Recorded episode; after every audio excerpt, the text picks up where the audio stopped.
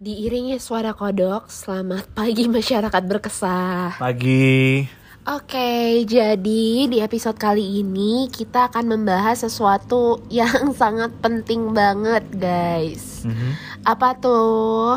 Ya, Anger management. Ya, say it. Apa? Anger management. Oke. Jadi, aku itu anaknya pemarah banget, guys. Dan aku tuh tipe yang pemarah vokal banget. Sementara kalau kamu gimana? Aku tipe orang yang kalau bisa nggak marah nggak mau marah gitu. Iya betul. Jadi kayak ya udah deh yang penting semua orang baik bahagia gitu. Sementara aku orangnya lebih yang penting kayak proteksi diri gitu loh dibandingkan orang-orang lain gitu kan. Kayak siapa lagi mau nge-save gue selain diri gue sendiri. Nah setelah kita melakukan berbagai research dan kayak kok ternyata ada ya menurutku beberapa orang eh, terbagi jadi tiga tipe nih sebetulnya. Dan ternyata emang benar. Jadi aku ngeliat di The Arthritis Society itu dipublish tahun 2008 dan itu tuh ngebahas seputar effective communication skills. Dan ternyata ada communication approach tuh ada tiga. Yang pertama itu passive assertive sama aggressive. Yang bener itu assertive sementara yang kurang itu adalah passive dan aggressive jadi kalau Mada itu kecenderungannya sebagai orang yang pasif sementara gue yang obvi- obviously gitu kan. Nah eh, langsung aja nih ya masuk ke penjelasannya. Jadi kalau orang yang pasif itu karakteristiknya adalah em, apa ya membiarkan orang lain untuk berbuat apa aja gitu. Kayak dia itu em, emotionally dishonest atau nggak jujur dengan perasaan sendiri dan sering banget untuk melakukan penolakan self denying itu apa ya bahasa Indonesia nya Hmm, penolakan diri ya. Mhm. perasaan gitu kayak ah enggak ah dia nggak kayak gitu atau ah enggak nggak kayak gitu. Pokoknya kalau dalam situasi yang kayak ada yang win ada yang lose ada yang menang atau ada yang kalah si orang yang pasif ini pasti akan selalu kalah. Oke. karena dia kayak menomorduakan perasaannya dia gitu loh kepentingannya dia atau apa yang dia rasa gitu kan. Dan in exchange-nya maksudnya eh, habis itu gitu kan.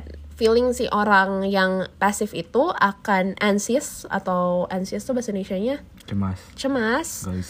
Atau dan ignored, ignored, terus helpless, manipulated dan yang paling ter ter ter, ter- ini adalah dia sebetulnya marah, tapi marahnya itu fix banget dengan dirinya sendiri atau ke orang lain juga gitu. Mhm.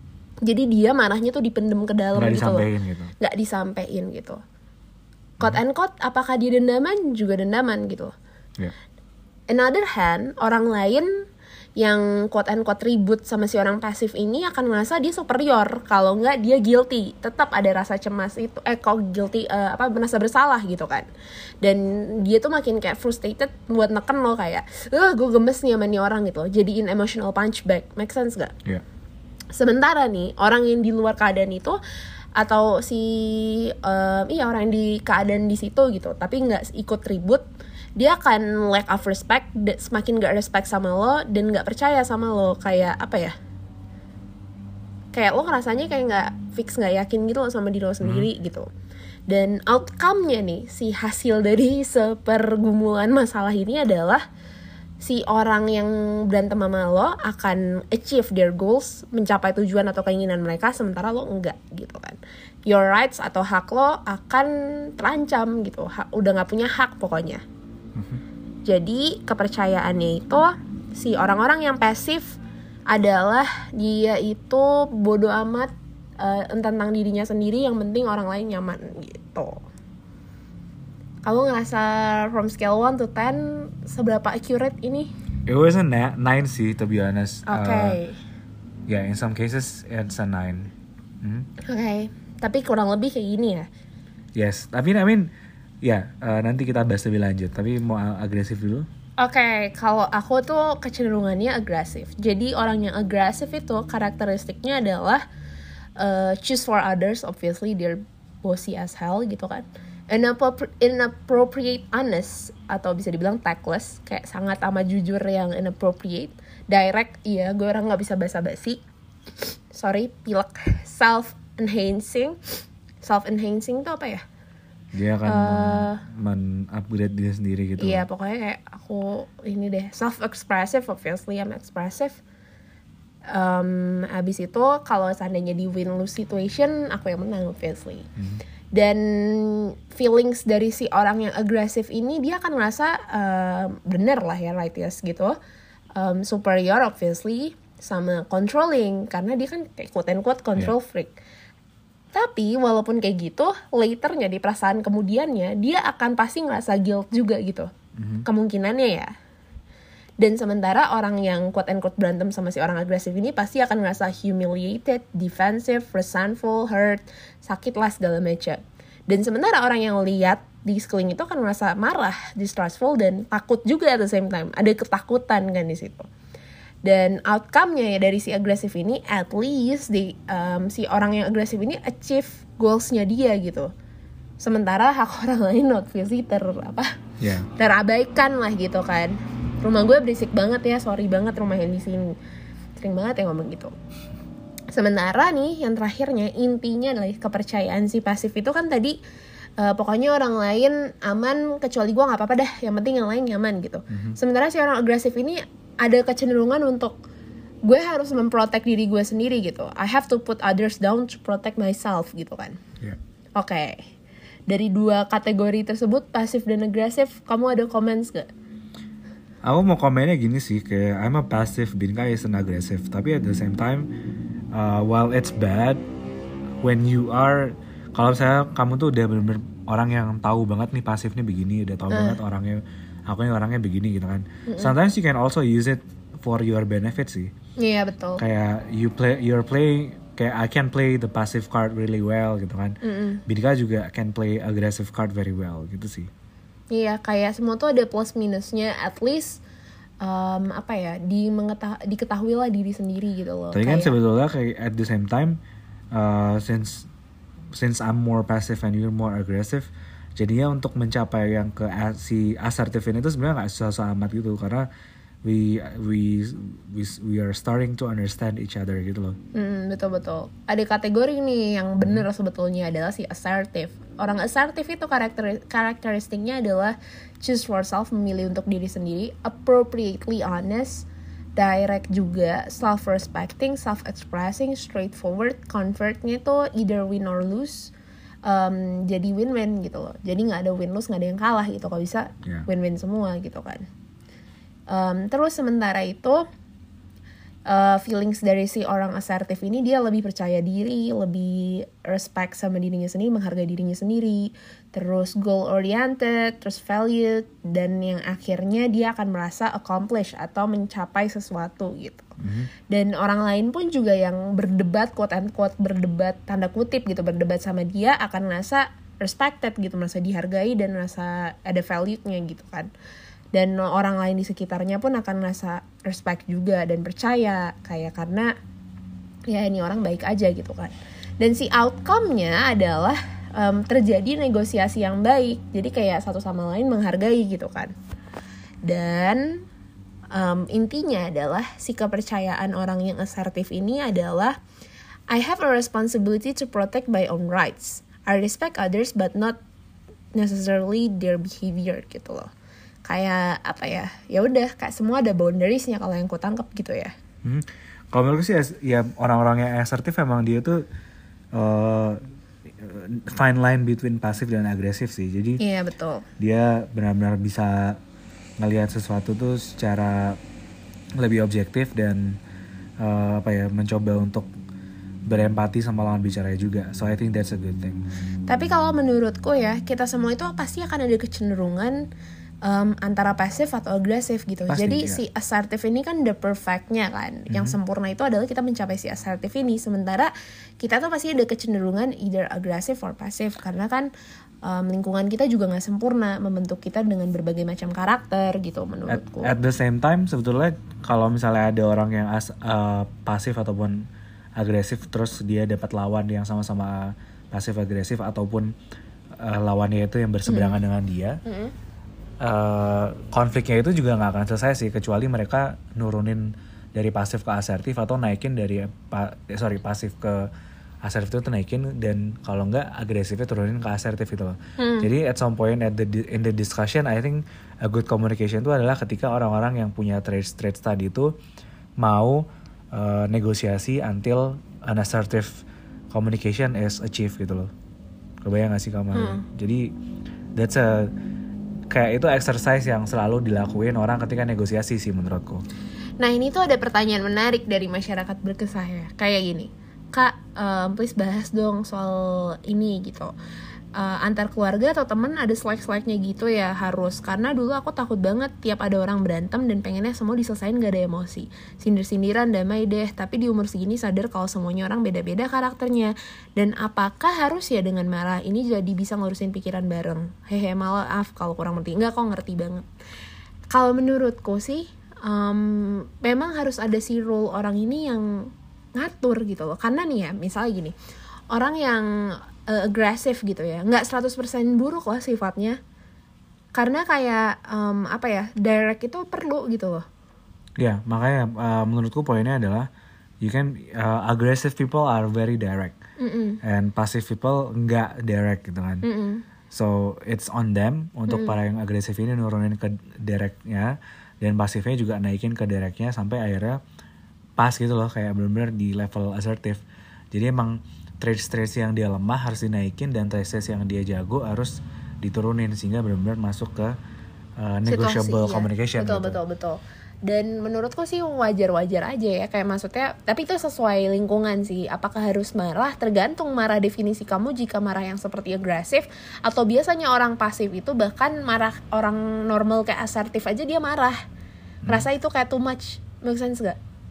Ya, at, at, at, ya, in the extreme bisa kayak gitu. Nah gitu Terus yang sebenarnya harus dipahami itu eh, selain pasif agresif dan juga asertif ini eh, orang-orang tuh punya traitsnya when it comes to communication.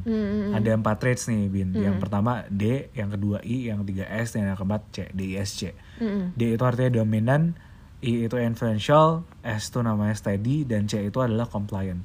Jadi basically teori DS ini bilang setiap orang tuh bisa either jadi orang yang dominan, artinya dia pengen attention, atau dia bisa jadi orang yang I influential, artinya dia pengen eh, apa namanya punya influence terhadap suatu decision, atau dia bisa jadi orang yang steady, dia sebenarnya nggak suka konflik, dia cuma pengen hidup tenang, atau dia suka C, dia suka diperintah gitu. loh.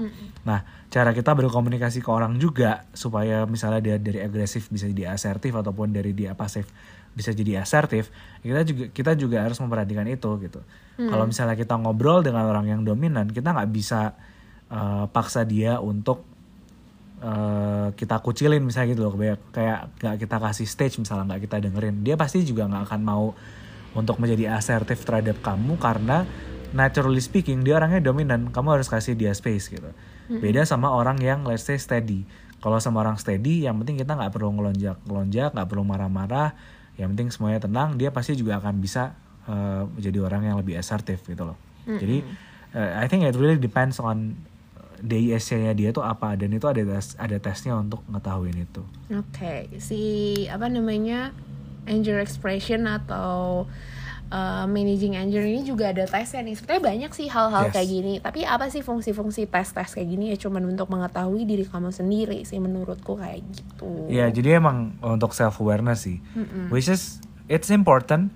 Tapi at the same time uh, banyak tes yang ada di internet tuh biasanya nggak psikometris. Jadi artinya uh, you can you can view the result and you can learn from it. Tapi it it's not a complete and scientific depiction of who you are gitu. It's not 100% correct dan pasti kalau teman-teman ambil tes kayak gitu juga pasti ada disclaimer bahwa itu bukan psikomet bukan bukan scientifically correct gitu loh nggak sih kayak dia nggak bisa jamin itu gitu. Tapi kayak menurutku sih hal-hal kayak gitu tuh makanya tes personality tuh akan sering apa ya akan terus berubah gitu loh. Bahkan lo Yes. datang ke psikolog aja lo datang itu pasti ada perubahan dan segala macam. Menurutku kayak hal-hal kayak gitu tuh cuman jadi alat untuk self reflection sih exactly gitu. it it creates uh, opportunity buat kamu jadi orang yang lebih self aware dan menurutku juga key of communication is self aware gitu kan. You understand yourself you understand uh, your position dan ketika kamu udah tahu diri kamu sendiri dan cara kamu uh, berbicara dan cara kamu merespon sesuatu jadinya kamu juga bisa mempelajari orang gitu. Um, terus kayak nyambung lagi menurutku si passive assertive or aggressive ini ini dibentuk dari kayak inner child gitu sih. Mhm. Kayak apa ya orang-orang yang membentuk sikap kita sikap kita menjadi orang yang sekarang itu kan karena em, apa pas kita masih melalui golden age gitu kan 1 sampai 5 ada yang bilang 1 sampai 5 eh ada yang ada. bilang 8 juga pokoknya intinya 10 tahun ke bawah lah itu membentuk kita banget. Nah I couldn't agree more sih. Jadi kayak em, apa ya semua hal itu mesti di apa ya treasure back what is treasure back Em, lebih di runutin Mhm. kita tuh kehidupannya seperti apa. Kayak kenapa kamu bisa bisa kamu menjadi orang yang takut banget untuk speak up? Kapan pertama kali kamu takut untuk speak up? Menurutku kayak gitu. Ya dan itu sih fungsinya um, coaching atau fungsinya counseling menurutku sih kayak gitu. Jadi um, apa ya lebih merunutkan cara berpikir kita untuk nge-treasure back atau nge apa ya mengeksplor ke depannya dan mau nggak mau juga sedikit nge-treasure back apa sih siapa sih sebetulnya diri kita gitu Yes, jadi uh, balik sih kesimpulannya adalah just be aware of yourself. Ketakutan kamu apa, strength kamu apa gitu kan. ya betul Dan yang gak kalah penting just have empathy man. Karena menurutku when you have an when you have empathy for someone, apalagi orang yang emang berkomunikasi dan negosiasi buat kamu, it will smoothen your negotiation dan uh, akhirnya assertive communication tuh bisa tercapai gitu. Apakah setiap orang itu punya hanya satu identity menurutku nggak sih? Eh, atau sih satu sikap gitu. Misalkan Mada mungkin di pekerjaan lebih assertive atau enggak aku di apa lebih pasif kan kayak who knows gitu.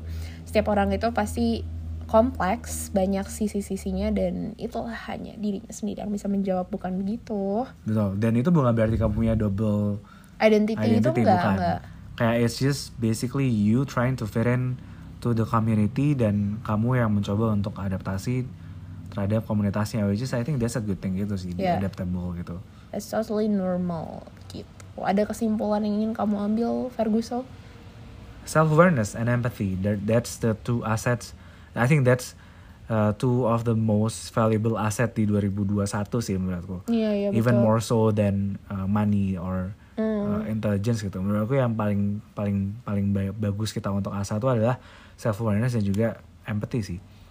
Karena it goes from there and you can have anything that you want man. Makanya kan kayak misalnya sekarang kamu lihat kalau orang anak kecil ada yang eh, apa ya waktu kita zaman kecil ya em, kita sering yang kayak jangan marah jangan ini jangan itu jadi depress orang itu menjadi passive it's not even assertive gitu apalagi agresif it's passive gitu makanya anak-anak zaman dulu tumbuhnya jauh lebih banyak yang agresif gitu kan Ya, makanya menurutku um, your your emotions are Benar. valid gitu kan apa yang kamu rasakan itu semuanya valid dan benar benar-benar. Jadi uh, mungkin kesalahan zaman dulu juga kita sering banget dibilang gak usah marah, sabar, sabar, sabar. Nggak Tapi boleh. At, at the same time uh, harusnya kita juga di encourage buat speak up gitu. Iya. Makanya kita menjadi bangsa yang ini ya, yang kayak jarang banget orang mau speak up karena kita kebiasaan untuk di Di-press untuk di jadi shun. passive kita gitu. kita di, di- ya kita diminta untuk jadi silent gitu. Mm-mm. So that's a good point from Binka sih menurutku. Jadi uh, our generation is very very silent man, very passive when it comes to Mm. speaking up. Makanya kelihatan banget di uh, cara kita mengideate sesuatu atau cara kita berargumen itu menurutku sangat-sangat ketinggalan dari luar. Tapi sebenarnya kalau misalnya dilihat lagi when it comes to uh, intelligence kita nggak kalah sebetulnya gitu. Mm-mm. Oh ini fun fact sih aku baru kepikiran dan baru baca tadi. Jadi orang yang lebih sering gosipin orang itu passive. Really? Iya. Oh because karena dia nggak nggak nggak berani di depan gitu. Iya. Hmm, that's a good point. Iya, terus kayak sekarang lagi merajalela aku uh, gosip account, I think it's a bad sign gitu sih menurutku. Exactly, I think that's what uh, we are as a as a as a country ya. Kayak we we are we really love to satu gosip, yang kedua being pasif dan yang ketiga ah, karena itu semua akhirnya kita menjadi bangsa yang suka banget meromantisasi masa lalu sebetulnya. Iya, iya, iya. Jadinya apa kayak kalau ini buktinya simpel banget sih. Misalnya buka HP, buka WhatsApp, buka Line gitu. Ada berapa grup alumni di HP? Iya, iya. Banyak banget kan? say it. Kayak menurutku dan itu penting banget sih highlight ya. Karena mm, gimana ya? Why? It's not it's not necessarily necessarily a bad thing ya to have a, a bunch of alumni group. tapi uh, it shapes our mind it shapes the way don't we get think don't get me wrong kayak I left kayak menurutku aku nggak ngerti ya itu kan sebelum kita deket ya masa belum intens ngomongin ini aku ngerasa kayak ih ngapain ya menurutku gitu why bukan kan tau juga lo bisa ngebuin gue tapi nggak perlu ada grup gitu Yes. toh komunikasinya personal gitu kan Yes. Dan ya itu sih, itu itu hal simpel ya kayak I don't care if you have alumni group or not. Ya, dan uh, pasti nanti juga implikasinya kalau pas bulan puasa budget bukbernya banyak gitu kan. Iya, iya, tapi iya. tapi at the same time uh, bigger bigger things here adalah kita menjadi bangsa yang suka meromantisasi, meromantisasi masa lalu kan. Hmm. Dan akhirnya jadi kita susah banget untuk jadi orang yang lebih asertif gitu loh. Hmm, iya, iya. Karena jadinya nggak terbiasa untuk satu mengutarakan pendapat dan yang kedua berpikir ke depan. ini sih ini ini fun fact ya maksudku kan aku termasuk privilege um, kuliahnya di kampus yang bagus gitu Iya. dan kamu pun juga jadi there's this one class dosennya tuh nanya kamu pengen jadi apa gitu kan siapa yang udah tahu mau jadi apa habis lulus ini Hmm?